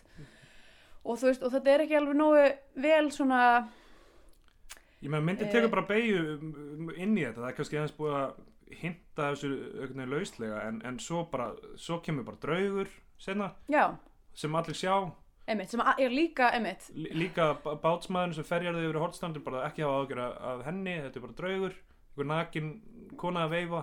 Emitt, og uh, svo bara tekur við veist, þetta sem ég veit ekki hvað, hvað maður á að kalla þetta, þri- þriðja þáttur eða eitthvað í þessu, þetta er bara, þar sem þau eru komin á þau eru komin á hotstrandir og uh, og hún og, og það kemur montas af bara svona gamaldags bara Mm Hún að svona lappa um hortsandirnar og svona minningar bara. snerta grasið og, við sjáum bara gamaldags bara, uh, bara He- landbúnað, he- heiskap heyjanir og, og- og, hérna og bara svona gamaldags útlítandi hérna myndefni af, af fólki þarna og þetta Mhm. og svo deyr hún já, svo bara deyr hún til fjöru á Já. meðan að því virðist uh, Þorgir er bara sitjandi inn í húsi í einhverjum stól að dotta ja. hann eitthvað svona rankar við sér eitthvað eftir vænan blund og kíkir út og þá er hún bara Já. dauð í fjörunni og hann með ofurmannlega krafta já, fyrir, fyrir, fyrir 78 ára gamlan mann ber hana af ströndinni smíðar líkistu eins og fagmaður enda er hann maður sem kann að hotværa bíla og drepa Og- hunda. Já og bara þú veist, emitt uh, og greinilega ekki ókunnugur heflinum. Nei. það er rosalega ég fekk, ég fekk hérna svona kannski út af því að afi minn er, er húsisbyrmestari og ég eitti miklum tíma á verkstæðin hans að fylgjast með honum hefla ímislegt til dæmis. Og svona ég fekk þannig að þú veist þegar hann var að gera þetta fekk ég svona svona, svona fannesti svona saglikt mm, og við fannst þetta mjög ljúf sena það sem hann er svona mjög hægt að hefla spýturnar og vill, vill greinilega gera gera kistuna vel já. svo bara lætur bara- hann að síga niður í hólu sem hann er búin að grafa Eh, hann einn, einn bara lætur kistuna síga niður í hólu En ég meina það mætti kannski draga þá álættun að, þarna séu álfarnir í hjálpunum. já, ég, ég, ég, það hlýtur að vera bara allt, allt hluti af því sko. Já. af því að svo, svo seinna þegar hann er búin að uh, grafa hana og, og syngja fyrir hana uh, þá uh, er hann berfættur að skríða upp hæðina einhvern veginn, eða lappa upp hæðina Já. Það er greinilega eitthvað svona búið hans. Já. Er, ég, ég gerir ráð fyrir að þetta sé búið hans. hann er inn í bara, bara rústum, Rústum. bara eitthvað svona fók heldur bara einhverju Væntanlega hlöðu eða eitthvað. eitthvað kemur ekki Bruno, Gans Já. maðurinn sem leik Hitler í Der Untergang Já. og í fræga atrinu sem allir hafa séð það sem er næ, næ, næ, næ Já. Hérna- Bruno Gansi, já. Frægastu kannski fyrir þetta Undergang, hann var í Boys, in, Boys from Brazil, Já, eða Boys of Brazil, Boys, Boys from Brazil Boys, Boys from Brazil og hérna, og ýmsu öðru. En er kannski svona hans fyrsta frægð, er Wings of Desire frá 78. Hefur þið séð Wings of Nei, Desire? það er ekki séð hana Þetta er nefnilega að því að hann kemur þarna, sem sagt, okkar maður Þorgir er uh, sem sagt búin að klifra upp á fjallið, berfættur, blæður úr fótunum á honum, hann hnýgur nýr á hnýjan og þá kemur Bruno Gans og hann er engill. Mhm. Hann snertir hann um fætunar og hérna og sem að veldur því að, eh, að Þorgir stígur aftur á fætur og heldur áfram og uh, sko, ég á þessum tímpúndi var ég bara eitthvað what the fuck? Út af því að þetta er crossover yfir í Wings of Desire. Ha? í kvikmyndinu Wings of Desire leikur Bruno Gans Engil. Engil í Ríkfrakka Hvað? já, ég get svo svarða eh, sem sagt Wings of Desire var líka, hún var hérna eh, hún var Hollywood seruð uh, hétt þá City of Angels, ég man ekki alveg hvað svo mynd var hræðileg, ekki að horfa hana en horfa á Wings of Desire, það er líka mjög skemmtilegt cameo í Wings of Desire, um, þar sem að Nick Cave er að fara með ljóð. Sest, Ok. okay. Wings of Desire gerist í Berlín. Það er mikið tengingum við Berlín í, í englum alveg líka. Í, í bönnum náttúrulega Já, bönnum náttúrulega með Ég er svo mikið englum í það var í rugglinu En allavega Þessi mynd hefði getað heitið Englar Alheimsins Já, Bruno Gans leikur, leikur vendarengil eh, sem að sem að, hérna, vakir yfir, yfir Berlín rétt fyrir fallmúrsins. Og hérna og er, er, er eitthvað svona vakir yfir eitthvað sirkuskonu og eitthvað og hann verður ástfangin af sirkuskonunni Mhm. og ákveður að hérna ákveður að hann vill ekki vera engill lengur. Og þegar hann er í englahlutverkinu og hittir líka aðra engla þá er hann alltaf í þessum sama frakka. Og hann er í þessum frakka þegar hann hittir Þetta Þorgir er náttúrulega ruggla sko. Ég hugsaði strax að þetta er hérna, svona, einhvern veginn meðframleitt af einhverjum þýsk, einhver þýsku fyrirtæki þessi mynd, Já, þannig að það er yfirleitt eitthvað svona sko hún er Bregður fyrir hérna, einhverjum- hún er framkölluð í Berlín og filmivinnslan líka gerð í Berlín Mhm. og það er eitthvað Berlínst já, já, framlæslu fyrirtæki Einhver sem tekur þýski það peningar sem kom inn í Þýsk- þetta já, og þá einmitt. gott að hafa leikara. En já, hann byrtist þarna bara, gerir þetta. Svo sjáum við hérna það sem Egil Ólason loksins er búin að finna finna, kemur niður á þyrlu Já, bara á hortstöndir Gísli Haldursson hleypi burt, hverfur inn í bara mistrið, mistrið og sjóin uh, og, og myndin er búin. Og ég, veist, ég held að hérna, sko, ég held, ég held að þessi, þetta lögguplott sé nánast bara svona blekking eða distraction fyrir áhörðan sko. af því að e, e, e, hérna, Mul- Mulholland Drive byrjar líka eins og bara svona venjulegur film noir kemur náttúrulega út löngu eftir þessari mynd. En ég hugsaði, hugsaði til hennar. Af því að þá kemur allt í einu hann hérna Robert Forster sem einhver svona detektiv að fyrsta atriði þá er eitthvað bílslís og, og svo koma bara einhverjum svona tveir, tvær löggur og eru bara eitthvað herrið hérna, já, hvað ætli hafa gerst hér? og eitthvað svona, Mm. og maður hugsa á, við erum að fara að fylgja þessum löggum það sem er, er rannsaka þetta mál. Kemur aldrei fyrir aftur. Nei, og það, þetta er bara svona, já, ok áhörandin á að, hann á að gruna þetta sé, þú veist, einhver eltingaleikur, hann er hann aldrei. Nei. Þetta er aldrei einhver eltingaleikur. Þetta er bara, hérna svona, einhver svona leið til að koma okkur inn á, inn á það að fara í þennan magical realisma sem bara ég, ég er ekki nú klár til að, til að þekkja all táknin að það, sko. Táknin, þá hvað er töfra, töfra ég, ég meina það er, nei, það er alls konar í gangi, alls konar vísanir og eitthvað svona ég bara, ég meina, ég, mér dætti ekki í hug þetta með Bruno Gans og þessa mynd, ég meina ég bara, mér finnst magnað að þú vitir þetta ég, Já, bara hérna Wings of Desire er, er frábær mynd sko og hérna mæli bara með henni. Hún er svona uh, en það sem ég finnst mér fyndi er í rauninni að sem sagt sko bæðið mitt að, að því að ok, allt er læg að fá Bruno Gans til að leika engil.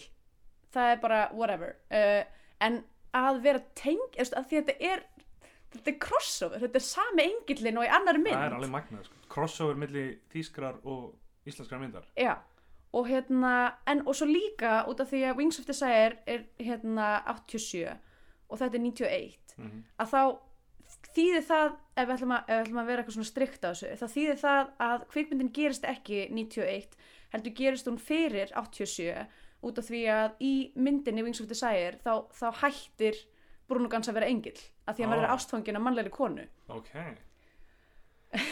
þetta, ah, ég, þetta, þetta er alveg blowing my mind hérna. þetta, þetta er ótrúlega þetta er eiginlega, ég, enda þú veist sko ég er mjög glöð að ég hafði ekki séð hérna börn náttúrunar áður af því að þetta, ég var, ég var bara hvað hvað í fjandanum er að gerast núna?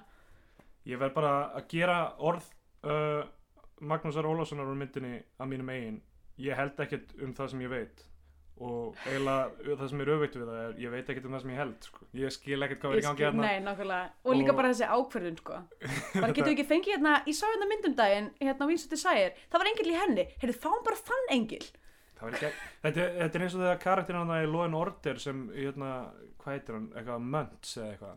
Hann er alltaf að mæta, hérna, sem er með sólgleru gráharður í svona frakka líka. Já, er hann er alltaf að mæta mæta, í bara alls konar, sko. alls konar þætti, Já, já það er rétt, hann var í hann leikur alltaf bara þá personu í öllu sem hann leikur í. já, Hann var í Arrested Development og já, alveg rétt alls konar. ummitt, alveg rétt En ef að vinda okkur í, um, Heyrðu, eitt sem ég samt reyndar, að því að mér langar að tala um hérna, að því mér fannst svo ógislega fyndið það sem að ammaðinn sagði, já, uh, já, það var hérna, gott. Uh, að mér fannst það svo gott, það var svo lítill, það var svona lítill blómin í miðri myndinni, þar sem þau bara svona stoppa okkur um bóndabæ og fá sér kaffi og svo heyra þau tilkynningun í útvarpinu þar sem að það er verið að hérna, lýsa eftir þeim og hérna, og hún segir eitthvað svona, hvað gerðu þið? Við fengum nú bara að lána þenni eitt bíl, eitthvað, og hún segir eitthvað svona, eitthvað, og hvað er það að búast við maður ringi allavega til Reykjavíkur? Yfir því, bara, og þú veist, og svo bara haldi þau svona leiðar og hérna, og þú veist, og það er svo frábært að hérna, það er enginn, þú veist, sem þau rekast á eitthvað svona, uh, sem að, þú veist, það, það segir enginn til um þau. Nei, þú veist, það er enginn að klaga þau. Og hérna, mér finnst það bara svo að ég fór að velta það fyrir mér. Ef myndum, ef ég myndi hitta þú veist, mannesku á sko, já sem er að detta í nýrætt. Mm, nei, hún er ekki detta í nýrætt, áttrætt uh, þau voru, já, þau voru 78-79 ára. Mm, um, m- myndi ég ég veit ekki hvort þau, og þau væru þau voru, væru að flótta undan, undan armi lagana réttvísinni. Já, undir flott undir réttu Stuttum armilagana. Já, stuttum og, og byglum armilagana um, Ég veit ekki hvað ég myndi gera sko af því að já, maður langaði bara að spyrja þig myndið þú, myndi þú ringja í yfirvöld Ekki eftir að Og- segja það sem mamma gerði, það, og ég myndi ekki, Nei, þú voru náttúrulega að fylgja já, ég myndi algjörlega taka hennar. Já, Bara gefa einn kaffi og lega maður alltaf frá. Já ég vil láta þau stóli bíl Já, ég meina, hvað, ég meina, eignaréttur. Hvað, þú að ringja allavega til Reykjavíkur alltaf. Nei, ég ætlaði nú bara að segja eignarétturinn maður, við þurfum nú eitthvað að ræða hann í þessu Já, podcasti. við, erum, sko, við erum búin að búa hérna í sko, minna en hálft ár í Berlín og eignuréttur er bara eitthvað fjarlægt konsept fyrir okkur af hverju eiga hluti Nákvæmlega. já, Allavega, hérna, Scandinavian Pain Index. já, herru, það er nú af er- ymsa taka Fyrir þá sem er að hlusta kannski á þetta sem fyrsta þátt, þá er, er það einhvers konar skali sem Andrea bjóð til sem meikar ekki sens en, en á að fjalla um mér finnst alltaf leiðilegt að þú segir alltaf að hann meik ekki neitt sens. Mér finnst það að meika fullt sens. Það þarf ekki alltaf að vera línulegt. Það er rétt, það er rétt. en þetta er sérst skali. Uh, hann er kannski svolítið svona wiggly uh, mögulega. Uh, og við köllum hann Scandinavian Pain Index og við sagt setjum alla myndirna sem við fjöllum um eitthvað staðar innan þennan skala og hérna og aðlöfum skalan að að raunveruleika hverjar myndar fyrir sig. Og það eru ákveðin minni og hérna og ákveðin karakterar og ákveðin svona atvik sem að hérna sem að, að ákvarða hvar á skalanum hver mynd fyrr og hérna þeir sem að eru kunnugir uh, skandinavskri kvikmyndagerð ættu kannski að þekkja þetta. Það er mikill harmur, uh, dauði, náttúra uh, og svona já, mannlegi brestir ímist þannig. Um, já, ég veit ekki, ég ætla náttúrulega að byrja bara að segja náttúran. Augljósast þetta dæmið er, Mhm. er bara náttúran í myndinni er, er svona þú veist, já, hún er, hún er uh, Það mæti ég alveg segja eins og í Sex and the. City þar sem New York er einn af aðalpersonum þá sé náttúrun einn af aðalpersonum í börn náttúrunar kemur mér þess að fram Fram í titlinum. eins og í Sex and the City. Nákvæmlega, The City. Það mæti ég alveg segja að Sex and the City væri börn náttúrunar New York borgar. Einmitt. Þannig að já, Oh boy. náttúran er í fyrirrúmi. En í þessu tilfelli þá er náttúran ekki að því að yfirleitt er náttúran einhvers konar hérna eins og bara í hérna Nóa Albinóa eða í, þú veist, eins og til dæmis bara í síðustu mynd sem við tókum fyrir sem að var hérna Foxtrot, þar sem að það var jökulhlaup það er yfirleitt einhver svona hindranir þú veist, yfirleitt gerir náttúran það verkum að þú þarft að, að takast á við eitthvað en í þetta sinn er er náttúran hérna helsti bandamæður Mm. mm. aðalsögupersonuna sem er svolítið svona spór út frá, út frá hérna en þetta er náttúrulega kannski aðeins og undan hefðinni, hún byrjar að mótast kannski örlítið setna í íslenska kvikmyndasögu. Allavega hana Þetta er vel aðtöðað Góð Eh, punktur. Já, en það er náttúrulega enga síður er, er í fyrirrúmi og það var hérna mjög óþægileg sena sem var eitthvað skona nöðgun Mhm. eða eitthvað skona allavega Það er ó, náttúrulega gamall maður deyr með ímyndaðan son. Hundur er skotin tekin að lífi hundurinn er tekin að grimmilega tekin að lífi í blómalífsins Já. í blómabala sveita síns andlit uh, í sveita síns andlits. Er það ekki eitthvað sem fólk segir? Jú, en ég held að vera að fara að tala um sveitina. Nei, nei, en það, er það ekki sveitað ekki svita Jú, ég held að sé sveita sko. Uh, en ég er svo sem ég er, ég er ekki læknir þannig að uh, en hérna, já, það er sagt hundudrepin, það er eitthvað svona attempted nöðgun, náttúra maður sem, ímyndinu veikum maður sem að deyr kall, eh, kallakór ofbeldi gagvart gömlu fólki eða svona Já. va- valdbeiting gagvart valdbeitinga gömur fólki sem er vissulega mjög sorgleg um, Svo já. er svona náttúrulega Magnús er þarna einhver svona tr trukka aukumæður sem er með einhverja frasa og eitthvað svona já, einmitt, m- hérna maðurinn á veginum. Mm. það er oft sem sagt og hefur verið í uh, var í Foxtrot, það var ekki í brúkumannum um, sem sagt einhver maður eða menn Já, sem bara byrtast á þjóðveginum. Það er eitthvað, það er svona algengt. Uh, og það gerist uh, það er þarna, já mitt trukkabílstjórinn sem að sko ekki bara gefur þeim far heldur rettar þeim líka bróður, vill bara þannig til að þessi trukkabílstjóri á bróður sem að ferjar fólk á hortstandir og hérna þú veist, engin útskýring þar en allavega hann, hann hérna er, er góðu maður og, og hjálpar þeim. Og spyr enga spurninga, Nei. hann var líka það er bæði Cecilia og þessi gæi og ventnalega líka hérna skipstjórin sem að þú veist, hann er ekkert að spyrja það bara eitthvað, já ok, tvær háaldriða manneskjur sem ætla að fara á, á algjörlega aukt svæði þar sem að er engan, engan mat og drikk að finna með eina tösku Ég meina sérstaklega að tala um það að fólk deyja þarna mjög fljótt af því að það finnur enga mat Já, Ef fólk ætlar eitthvað að tjálta þarna þá bara deyrir það því að það getur bara skotið eitthvað, það reynir að skjóta dýr og Já, gaur ná- veitir bara eitt trafn á tveimur vikum einmitt eitthvað. nákvæmlega gafst svo upp og einhver þýskur túristi dóð þarna og Já. eitthvað Já, ég var reynda að koma ekki fram hvort hann hafi dáið hann var alltaf strauðað niður með fjórhjóli. Að engu síður. Já. já, já þe- þetta fólk er allt bara svona þau eru, pínu, þau eru öll pínu svona svona fólki á veginum. Já, svona pínu magical einhvern veginn uh, byrtast úr lausu lofti og veita veita eitthvað skonar hjálp eða, eða þekkingu. Já, og hérna þannig að það vissulega passar ágætlega inn í. Og um, já, svo náttúrulega er draugur. Já.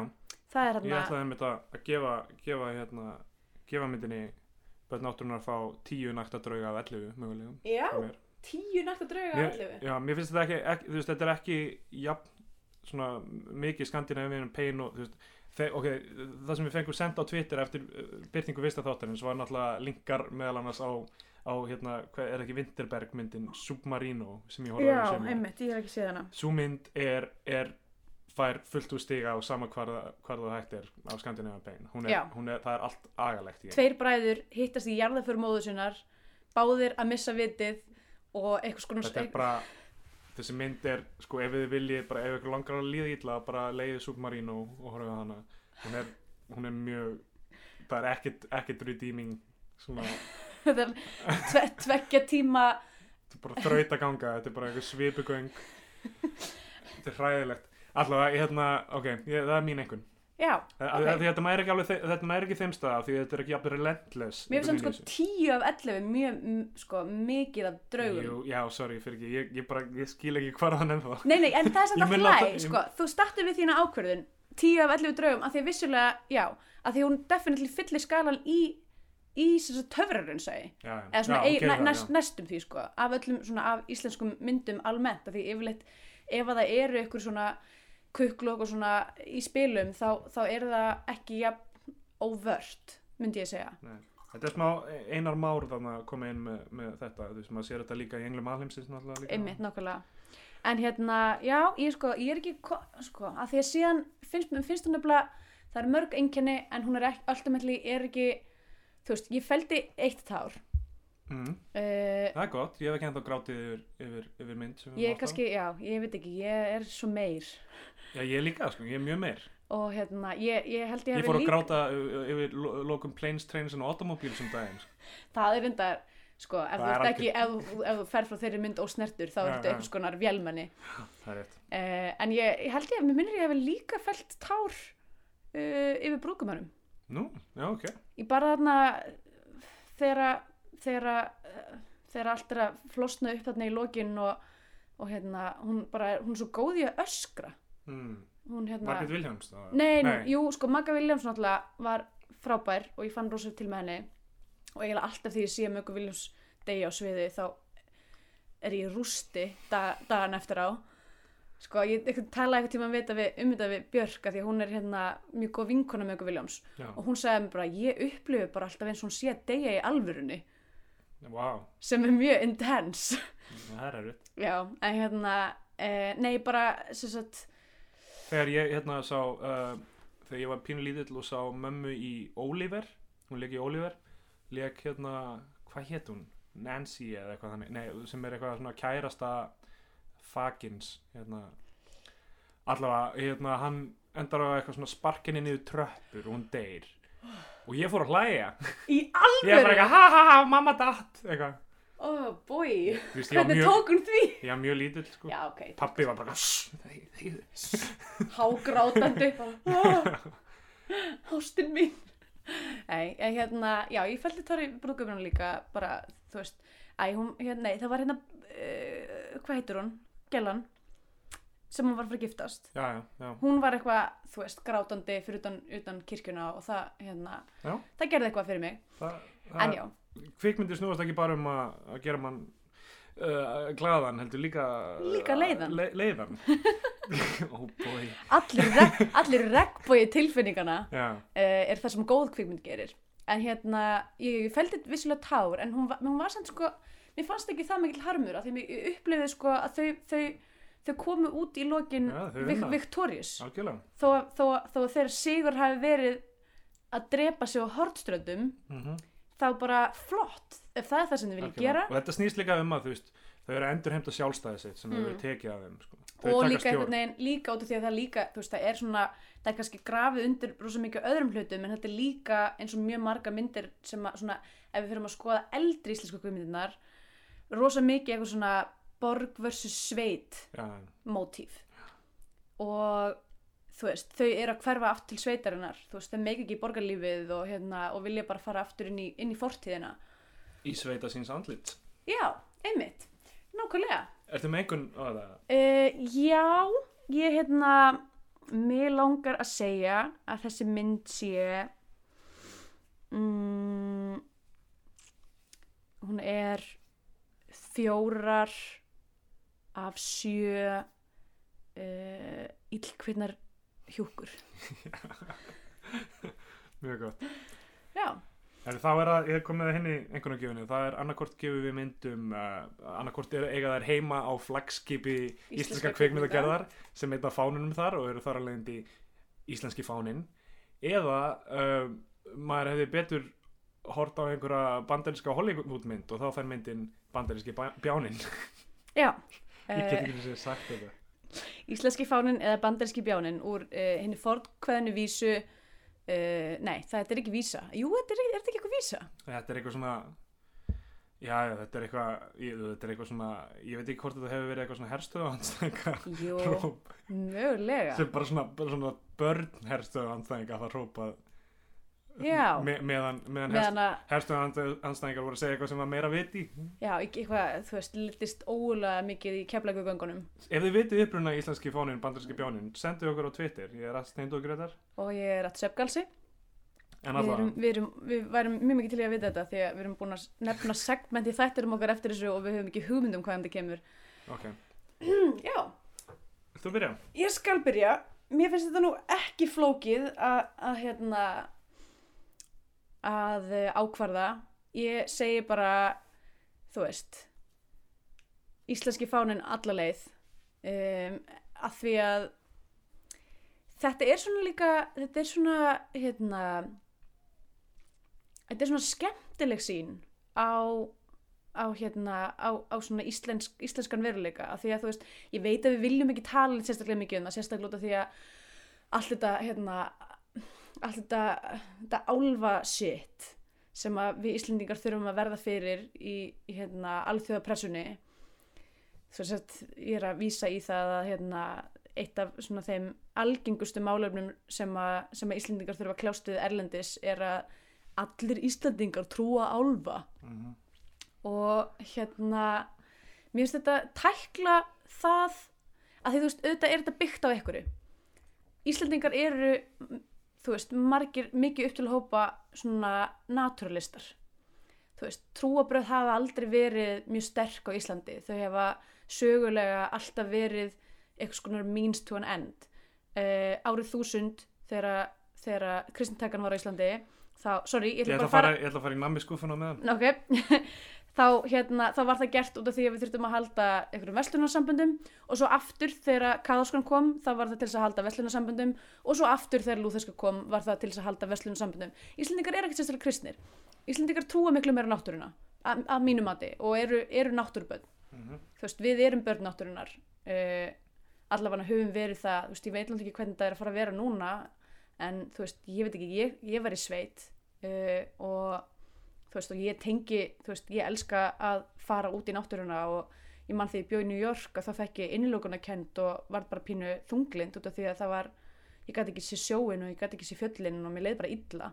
Þannig að þú veist, við höfum óvinni sterkar tengingu við náttúruna og mér finnst, mér finnst börn náttúrunar gera því skil á jákvæðan hátt.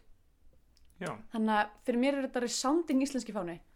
Já um, ég, svo sem ekki miklu við að bæta í rauninni þá um, um, þá er þetta mynd sem ég var alltaf að setja í mig frá esku sem falleg mynd og uh, þegar ég var að horfa hana núna þá var það náttúrulega bara á tölvuskjá í kaffihúsi, á, á kaffihúsi en ég uh, og ég var svona, það greip mig fljótt hvað uh, handritið er um, ólíkt öðrum, hvað struktúrin er svona óheðbundin og, og, það, það fór svona aðeins að sitja í mér uh, þar til uh, myndin uh, er rúmlega hálnuð og, og fer dýbra inn í hennan töfra raunveruleika þá hugsaði ég, ég skil ekki alveg hvað er að gerast og, og ég er hérna um, um, er ekki alveg að ná utan um þetta rökin bak við þetta. En ég upplegaði þannig að það væri, væri ekki ekki þessi tilfinning sem að færi eitthvað vá, kvikmynd að gera mennir alveg, alveg mistuð að þarna. Heldur meira svona, já, ég er kannski ekki alveg nógu klár til að þekkja táknin og tilvísaninnar og, og, og þess að frásagna hefð já, ok. Þa, þannig, að, þannig að mér leiði vel með það þú veist, þó að það Já. væri náttúrulega mjög lítilækandi fyrir mig að viðkynna fyrir sjálfum mér að ég væri ekki en klár. þú veist það samt ekki. já, já, en þú veist, mín tilfinning var eitthvað svona, já, ok þú veist, eins og þú segir þetta með Bruno Gans það bara kemur algjörlega í opna skjöldu og það, þú veist, það er einhverja pælinga bak við þetta allt saman. Og já, og þarna fer það, það, það sem lítur út eins og venjulegu sögutráður tíma hverfur og er í rauninni bara blekking til að koma manni út í þetta sem Mm. er að segja manni aðra hluti. Og uh, þetta falleg mynd uh, Gísli Haldursson og Sigriður Hagalín sem heitir ekki Bríða Tíðansdóttir eru mjög góð í henni. Um, að komast allir, allir vel, vel frá þessu uh, og hérna kvikmyndtakan er flott tónlistin eftir Hilmar Já, Hilmarsson við aftur glemdum, að, við glemdum að nefna tala aðeins um tónlistina Já. hún er mjög, again, Hilmar sem að gerði líka tónlistinni Já. uh, bara, þú veist, þetta er rosa flott svona, og ég upplifi, ég finn fyrir þýskum áhrifum í þessari tónlist Mm. uh, þú veist, þetta er svona kóra útsetningar og, og hérna strengir og það er eitthvað svona, já uh, ég get ekki nákvæmlega sett fingurinn á hvaða vísanir eru í þessari tónlist en uh, ef, að þið, ef að þið vitið það þá með endilega henda þið á mig á Twitter. Og uh, já, og þar með gef ég þessu uh, að sjálfsögðu íslenska fánan um, ef ég ætti að velja fyrir áhörundur milli þeirra þryggja mynda sem við höfum horta á sem allar fengu íslenska fánan frá okkur báðum ég myndi alltaf segja að þið verðið að horfa á Foxtrot. Kannski bara því hún kom svona mikið á óvart en, en Börn náttúruna er mynd sem allir Íslendingar ættu að, ættu að sjá enga síður. Hún var uh, hérna, svo íslenska mynd sem hefur líklega hlotið mesta upphefð erlendis. Og uh, um, og já, setur tónin líka fyrir íslenska kveikmyndagerð uh, áratugið fram í tíman þannig að íslenski fánin Íslenski fánin, frábært. Hérna, kannski eitt að lokum. Uh, við erum ekki alveg búin að negla niður hvernig er best svona Twitter formatið að að taka okkur bæði tegur kannski svolítið mikið af slögum þannig að kannski ættum við bara að byrja að nota hashtaggi biotvíó, ég veit það ekki. Já, hashtag biotvíó og þá sjáum við ef það er einhverju punktar frá einhverjum og Já, þið getið viljum henda endilega okkur beint Já. eða þið getið bara biotvíó þetta. Uh, Já, bara við erum á, með Facebook síðu sem er bara facebook.com skástrík biotvíó og bara eh, endilega hérna, sendið okkur ykkar skoðanir á myndunum við getum frestast til að lesa þær upp og millið sem við tölum ástaflegið og, Já, og, hérna, og kannski einhverja kvikmyndi ef við höfum tíma til þess. Já, hljómar vel. Að því sagðu þá erum við ekki ennþá búin að finna góða leið til að enda þáttinn. Þannig að við held ég bara höldum áfram að tala þangur til að feitar út. Já, um, og uh, kemur ykkur tónlist yfir. já ég, ég hérna var með hluti sem er ákveða að standa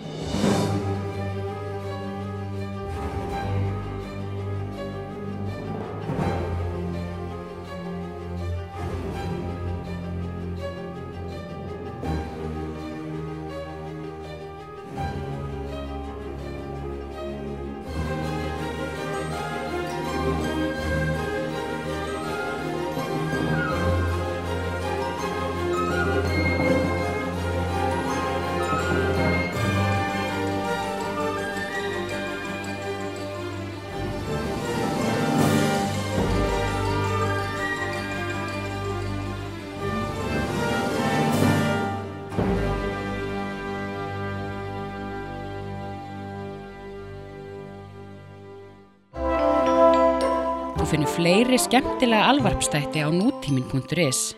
Takk fyrir að hlusta.